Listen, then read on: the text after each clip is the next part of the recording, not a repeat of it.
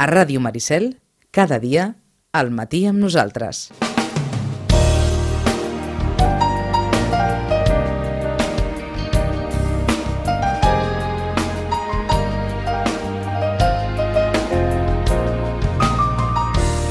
I ara us expliquem què diu aquesta nota de la Diputació de Barcelona. Els serveis de la xarxa de biblioteques municipals de la Diputació de Barcelona obtenen un 8,1 pel que fa al grau de satisfacció dels seus usuaris. Aquesta i altres dades ja es poden consultar a l'informe, com els dèiem, de la dotzena edició del Cercle de Comparació Intermunicipal de Biblioteques que recull els principals indicadors de biblioteca pública de 44 municipis participants al projecte, tots els de més de 20.000 habitants a la demarcació de Barcelona, llevat de Barcelona ciutat. Així mateix, l'informe inclou els resultats i les conclusions dels tallers de millora realitzats entre el 17 i el 23 de setembre del 2015, etc entre els municipis de 20.000 i 60.000 habitants. L'informe s'estructura en dues parts. En la primera es fa una anàlisi global dels indicadors dels 44 municipis que participen en aquests cercles, on es poden consultar dades com el nombre de documents per habitant o la despesa corrent per habitant, i en la segona s'analitzen els tallers de millora. Els municipis han presentat projectes i accions desenvolupades amb èxit en els àmbits de la presència de les biblioteques a les xarxes socials, la col·laboració de les biblioteques amb altres entitats locals, l'ús de les biblioteques per part de diferents col·lectius, la gent gran, els joves, els estrangers, la fidelització dels usuaris, el voluntariat, etc etc. I de tot plegat, com els dèiem, en surt aquesta nota tan alta de satisfacció dels usuaris. Anàvem llegint i anàvem pensant, doncs sí, les biblioteques de Sitges són a les xarxes socials, les biblioteques de Sitges, la la biblioteca ara, però les biblioteques en general col·laboren amb altres entitats locals, s'utilitzen per part de tots i de tothom, des dels més menuts fins als més grans, d'aquí, de fora. La fidelització dels usuaris és un altre també dels valors de les nostres biblioteques. En fi, Marta, bon dia, bona hora. Bon dia. Tots aquests indicadors els compliu d'allò més, no? Sí, uns més, altres menys. Eh, he de dir que jo vaig estar en aquest taller i realment va ser una feina molt interessant de fer, no? de, de compartir experiències amb altres biblioteques i que altres companys expliquessin en el que ells, en aquests indicadors en el que destacaven més, doncs com, com ho havien fet, no? quines coses havien treballat uh -huh. per millorar en aquests aspectes i, i tots els, la resta de companys doncs, apreníem i va ser un intercanvi d'experiència. De, que tenim algun tret diferencial? Nosaltres en aquest taller, en el que vam destacar, segons els indicadors, sí. era en un número més elevat de, de la mitjana en usuaris més grans de 65 anys, per exemple. Era un dels, dels trets no? que destacaven per sobre de la mitjana.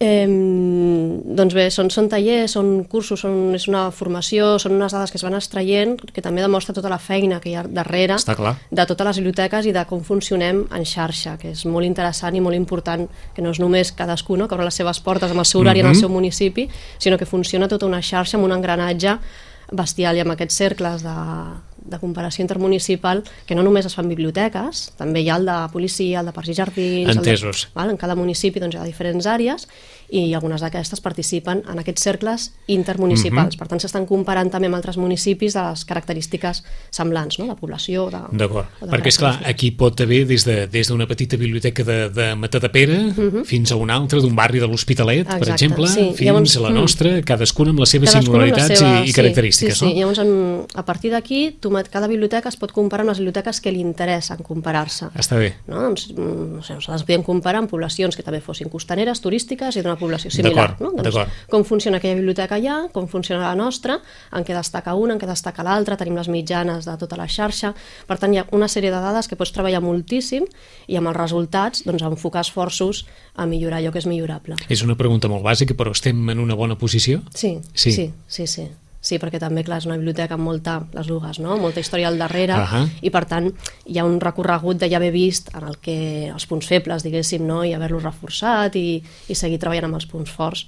Per tant, sí, són biblioteques que estan ben situades. Uh -huh. mm. Doncs per descomptar que aquest 8,1 de mitjana mm -hmm. és una mitjana sí. molt alta altíssima de satisfacció dels usuaris a les biblioteques municipals de la Diputació de Barcelona. Volíem començar per aquí perquè com que aquest any també serà, si l'any passat va ser l'any de les biblioteques, que commemorava d'alguna mm. manera eh, doncs, la decisió de la Mancomunitat de Catalunya de tirar en marxa el projecte de les biblioteques, aquest any per nosaltres també tindrà aquest valor afegit de la inauguració de la Santiago Rossinyol. Ens deia la Marta, tot avança. Sí.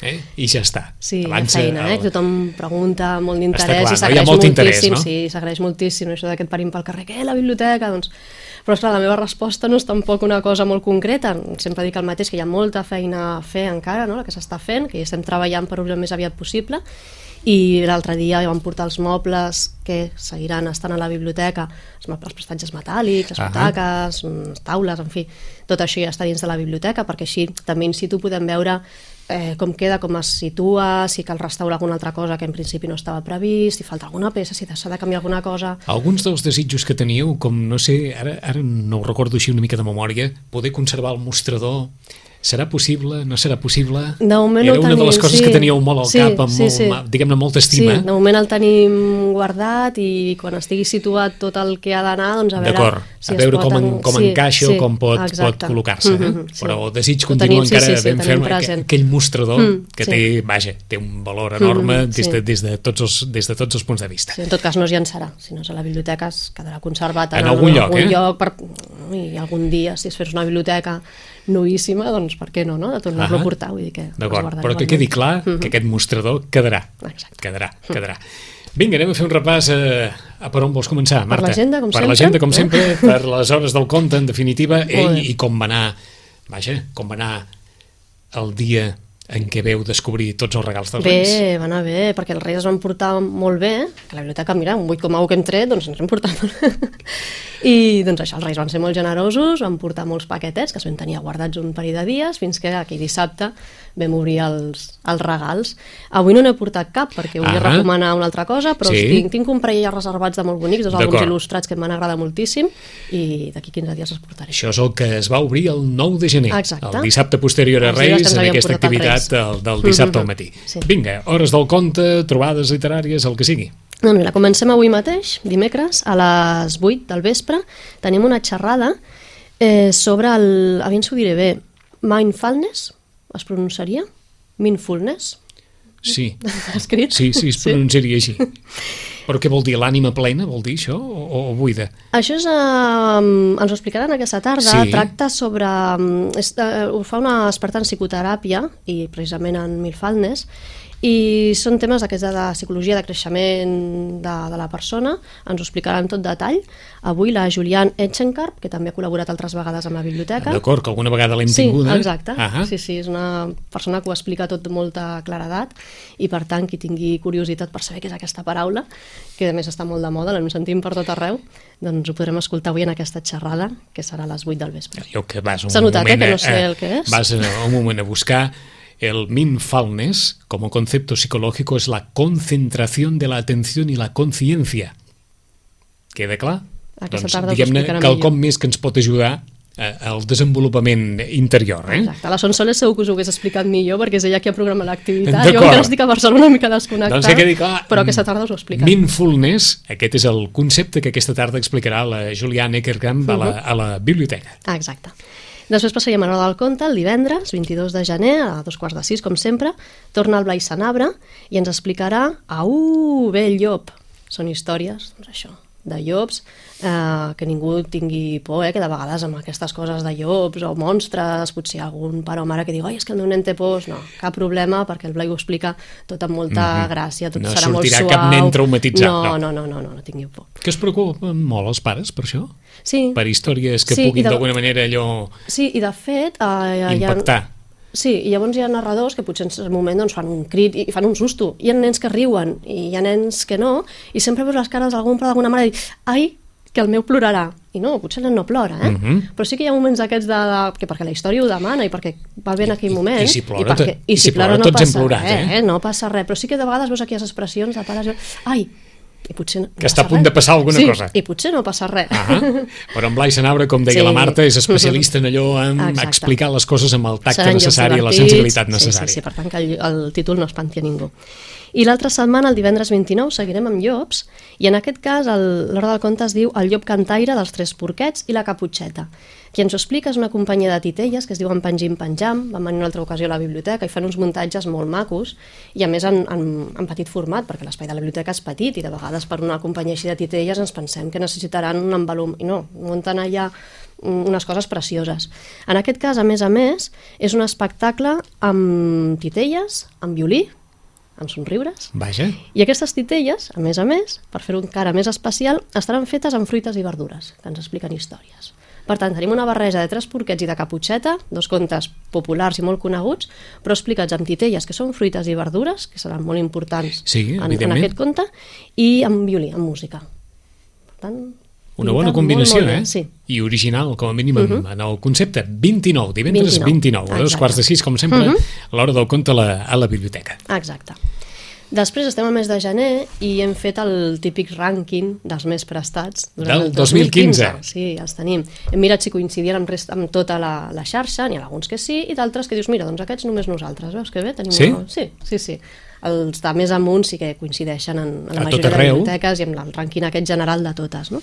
He portat només la llista de novel·les i d'infantil i més endavant anirem fent els DVDs i el cinema. I com sempre anem del final al principi, al principi, eh? anirem així rapidets. Vinga, número, número 10. 10 de la novel·la tenim una novel·la que vaig comentar aquí, recordo, que no és d'aquestes novetats de, de, del moment, però en canvi se segueix llegint i llegint i, i llegint.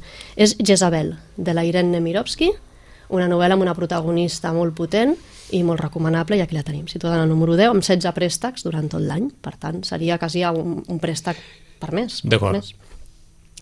En el número 9 tenim un autor que va morir fa poquet, que era tot un referent a la novel·la negra, en Henning Mankell, amb La quinta mujer. És el títol d'aquesta novel·la, que també ha fet 16 préstecs. En el número 8, la Isabel Allende, una altra autora que publiqui el que publiqui, surt en préstec i a més es segueix llegint La casa de los espíritus, es segueixen llegint les anteriors, però quan hi ha una novetat es demana i, i surt molt en préstec. En aquesta ocasió és el Juego de Reaper, la seva uh -huh. última novel·la.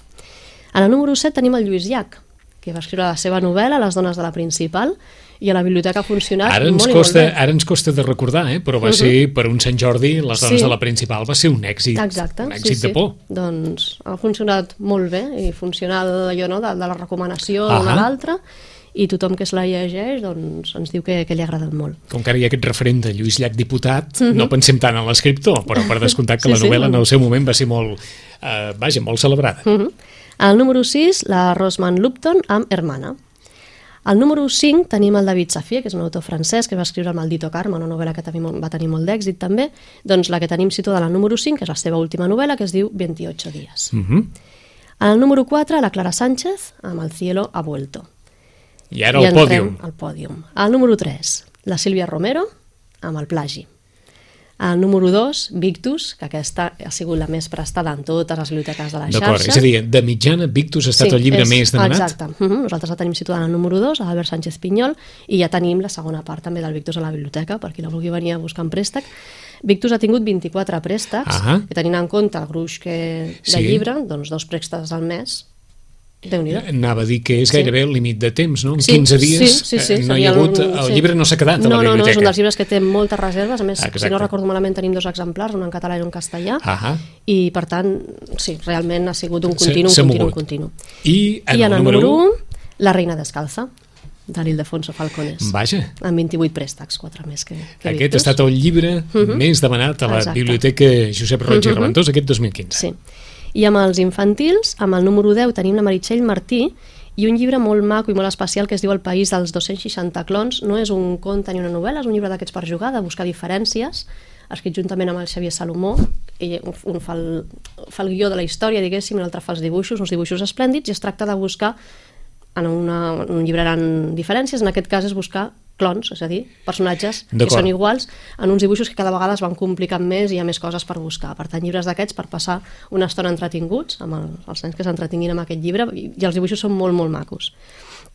En el número de 9 tor torna mm. Jerónimo Stilton, no passa mai de moda, és com un incombustible. Estàvem aquí mirant per dir, veure on surt Jerónimo Sí, Stilton sí, sí. aquí. De moment, el número 9. Uh, aquest llibre és Quatre ratones de la, en la selva negra, però és que podrien ser, mm, si seguim la llista, en l'11, en el 12, hi ha Jerónimos Extintos. Per tant, és un llibre que se segueix llegint i que serveix per enganxar a molts nens i nenes a la lectura. I molt recomanable, suposo, Mm. de les persones que us dediqueu vaja, en fi, a, a, a estar davant de, de la canalla, suposo que és un dels llibres que més podeu recomanar, no? Sí. Per incitar la lectura, Exacte, per dir-ho així. sí, sí, sí, perquè estan ben escrits, són una aventura, el personatge són valors positius, per tant, sí, són, són recomanables totalment, no? Però és que durant molts anys estan, estan a, a les llistes de, de més llegits.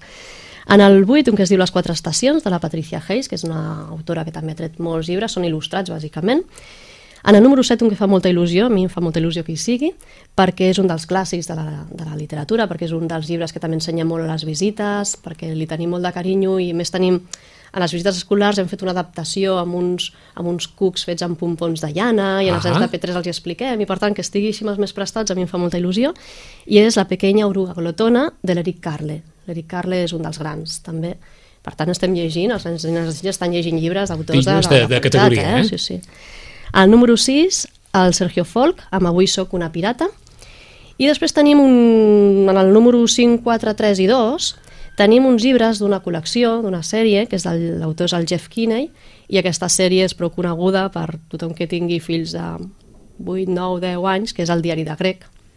Doncs diferents llibres d'aquesta col·lecció se situen en el número 5, Caram. 4, 3, 2 el protagonista és un nen que comença l'institut, per tant uns 12 anys sí. així, i ell escriu les seves històries quotidianes en forma de diari. Llavors en el llibre doncs, trobem eh, textos com manuscrits, dibuixos així com els típics que fem a les llibretes, per tant és un llibre d'una estètica així molt propera ah, a nens d'aquesta edat, que atrapa, atrapa molt, la... les històries són divertides perquè són històries això, no? d'institut, sense més pretensió que, que divertir, i igual que el Jerónimo Stilton enganxen nens potser més petits, aquest està enganxant molt precisament en l'edat que costa més que llegeixin, que és això, eh? 10 anys, 11, aquell, 9, 10, aquella 11, edat, el punt d'inflexió, eh? Perds, I amb els diaris de grec s'han enganxat moltíssim, també surten molt en préstec, i és una història llarguíssima, i per això doncs, tenim diferents Caram. títols situats en, en doncs, aquests en el lloc 5, 4, 3 uh -huh. i 2, I 2 hi ha els diaris de grec. Exacte. I en el número 1 tindríem l'equivalent al diari de grec, però més enfocat per noies val? perquè el protagonista grec és un nen, doncs en aquest cas la protagonista és una nena, eh, l'autora és la Rachel Renner Russell i el títol d'aquest llibre és Quan no ets la reina de la festa. Mm. És el diari d'una penjada el títol de la col·lecció i també doncs, ja diré d'una penjada 1, 2, 3, 4, no? fins l'infinit. És, més, és més gràfic, eh? és més explícit aquest títol, sí. eh? El diari d'una penjada, penjada, eh? Exacte. Molt més gràfic sí. que no pas el... El, el diari de, de crec que es queda de, més... Bueno. Queda molt més, sí. vaja, molt més sí. sobri, no? Sí. Però diari sí, sí. d'una penjada, sí. molt doncs més, o quan no ets la reina de la festa, Exacte. per descomptat que és un, sí. que és un títol. Per tant, és un llibre, no? doncs això, que, que moltes nenes s'hi senten identificades quan ets la nena més popular de l'institut, no? com la majoria, quan ets normal i corrent, Exacte. no? I, ja, i voldries ser la super superestrella i no ho ets, doncs et pots sentir identificada amb la protagonista de la protagonista d'aquests uh -huh. llibres. Doncs que quedi clar que hi ha llibres per tothom, eh? Uh -huh. I per totes les edats, i fins sí. i tot per aquelles en què, com deia la Marta, pot resultar més difícil uh -huh. continuar eh, l'afició a la lectura. Doncs també hi ha llibres que permeten allò mantenir el vincle amb, uh -huh. amb, amb el llegir Exacte. en aquestes edats més complexes. Sí, i a més a partir d'això, no, quan surt una col·lecció d'un personatge així, després altres autors també no, se sumen sempre passa, no? tant amb nens com amb sí, adults, sí, no? se sumen al carro d'aquesta moda. I per tant, doncs, si algú li agrada llegir aquest tipus de col·lecció, que busqui, perquè és que n'hi ha moltíssimes de col·leccions amb uns personatges que tant poden ser futbolistes, com, que, que poden tocar molts interessos als nens i a partir d'aquí atrapar-los. Recomanacions per aquesta setmana, però abans o no? Sí, sí, sí, sí. Ah, no, com sí. tens... Ho relacionarem, ho una relacionarem cosa tot una mica, doncs vinga. I és que aquest any, el, el 2016, és el centenari, és any d'un dels autors també dels, dels grans, dels enormes, del number one, del Roald Dahl. Home, el de les històries extraordinàries. Exacte. Va néixer el 1916 i, per tant, doncs això, centenari de naixement. I va morir... Vaja, que em sembla que els nens anglesos mm. i en general el món anglosaxó mm -hmm. en algun moment o altre de la sí. seva infantesa llegeix Roald Dahl. Roald eh? Dahl, eh? i a més és tan recomanable no només per nens sinó per adults. N'he portat una, una de les novel·les, un recull de contes. I a es va fer una adaptació televisiva molt sí. maca que TV3 va passar fa molts anys, sí. no s'ha tornat a passar més, mm -hmm. però aquestes històries extraordinàries Exacte. eren d'una... Sí. Vaja, de, mo de molta sensibilitat doncs, i, sí. i, i feien pensar molt. Eh? Mm -hmm. Sí. Doncs el Roald Dahl va tenir un, bueno, una vida no? que, que s'ha vist després molt reflexada en la manera que té ell d'escriure i com són les seves històries, no? aquest tema de, dels adults que solen ser, bueno, aquesta, no? que és com aquesta guerra de, de nens i adults i que els adults solen ser els dolents menys algú que és el contrast no? i que és, que és el bo. Eh, ho veiem, per exemple, a Matilda, les més conegudes sempre surt, no? els pares que, que fan la vida impossible al nen i en canvi doncs, troba aquella mestra dolça o aquella bibliotecària que, que, que amb el nen doncs, compensa ah. no? aquesta situació dura, perquè no, no són uns llibres que, que expliquin la vida amb flors i violes. Ell, de fet, de petit va estar en un internat, ho va passar molt malament, en algun moment doncs, diu que, clar, bueno, que, que no va ser la millor època, eh, això dit finament, jo m'imagino que ja devia passar de tot. I per tant, doncs, no, hi va quedar aquesta cosa cap al món de, dels adults, no? d'aquest personatge doncs, realment sí, sí. dolent i, aquest i pervers. punt de, de ressentiment, sí, no? Exacte. I això ho tradueix doncs, amb una ironia, amb un humor negre, amb uns personatges bons que són molt bons i amb uns dolents que són molt dolents. Eh, ell després va entrar a l'exèrcit, eh, va, anar, va, va lluitar sí. a la guerra i va quedar invàlid, va quedar ferit. Llavors va tornar a Anglaterra de nou i bé, doncs va començar a, a, a escriure. De fet, el primer encàrrec que va rebre va ser de, precisament explicar les seves experiències a la guerra. I quan va escriure allò, ens van quedar molt parats de la qualitat literària i com estava escrit. I doncs, bueno, doncs va començar la seva carrera literària escrivint primers relats breus i després ja va enfocar-se molt en la literatura infantil i, i juvenil, que és o sigui pel que, que és ser, més conegut. Va ser un escriptor de vocació tardana, eh? Sí, sí, sí. sí. Eh, I va morir el 1990 de leucèmia. A Anglaterra, més, hi ha un museu, que si algú hi va, doncs, a la seva ciutat hi ha un museu uh -huh. dedicat a ell, no? i bé, doncs, per tots els amants d'aquest món doncs, d'imaginació, d'aquests personatges universals, doncs, és referent ah d'anar-hi. I em sembla que hi ha una versió cinematogràfica també molt maca de Matilda, mm -hmm, si sí, no recordo sí, malament. Sí, sí, que... Clar, sí. I els nens coneixen molt aquestes pel·lícules, no? Per exemple, clar, el Charlie la fàbrica de xocolata, ah, exacte. amb el Johnny Depp fent de Willy Wonka, és perfecte per, per introduir també els nens, després dir, mira, doncs això hi ha, hi ha llibres. Sí, sí. Jo n'he portat tres, un, que es diu Dani, el campió del mundo, no és dels més coneguts, però l'he portat perquè, com que és any de Roald Dahl, de les llistes aquestes que podem triar llibres, i en les, últim, les últimes tries hem pogut triar molts llibres del Roald Dahl i, per tant, renovar els que teníem ja més utilitzats i comprar-ne de nous. I, per tant, les editorials estan reeditant una altra vegada estan... amb, amb llibres del Roald Dahl, no? com aquest Dani, campió del mundo.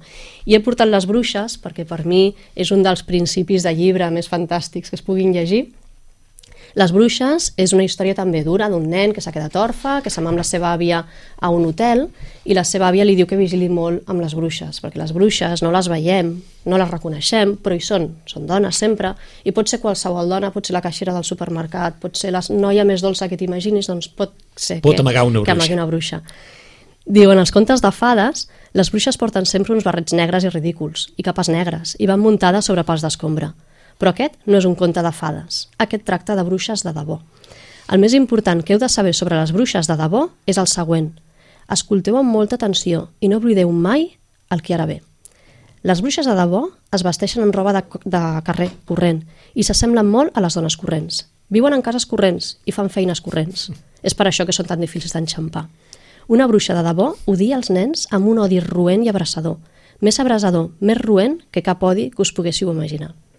Quin inici, eh? com a principi d'un llibre per nens i nenes. És que és el que anava a preguntar. Quan el llegim amb moltes visites escolars, aquest principi, després surt en préstec. Perquè precisament per això no, els hi crida tant l'atenció de dir això que hem d'explicar que ha de ser super salvatge i molt heavy, no? doncs jo vull llegir-ho.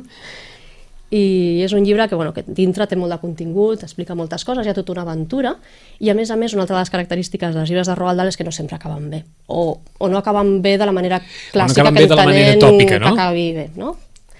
Molt recomanable també. Les uh -huh. bruixes per nens i nenes, això, eh, de 10, 11 anys, 11. Ah, sí, perquè aquests inicis, sí. vaja, hi ha molta càrrega eh, sí, en aquest sí, inici sí, sí. de Roald Dahl, les bruixes, bé, d'aquests tres llibres de Roald -huh. Dahl que ens ha portat, dels molts llibres, suposo, Molt, que la biblioteca tenim. Sí, eh? sí, sí. I després he portat un, que és una novel·la, de fet és un recull de contes, però Roald Dahl no va escriure només per nens, com deien, sinó també per adults, i aquest es diu Intercanvi de parelles i altres contes. Aquí hi ha un del, de les històries que jo crec que va sortir a la sèrie que tu et referies, és un que es diu, és que la recordo, que es diu L'espatlla de Xai. No t'ho sabré dir, però vaja, però bueno, si ho és una recordes... senyora de... que està fent una espatlla de xai i resulta que aquella espatlla de xai no era de xai.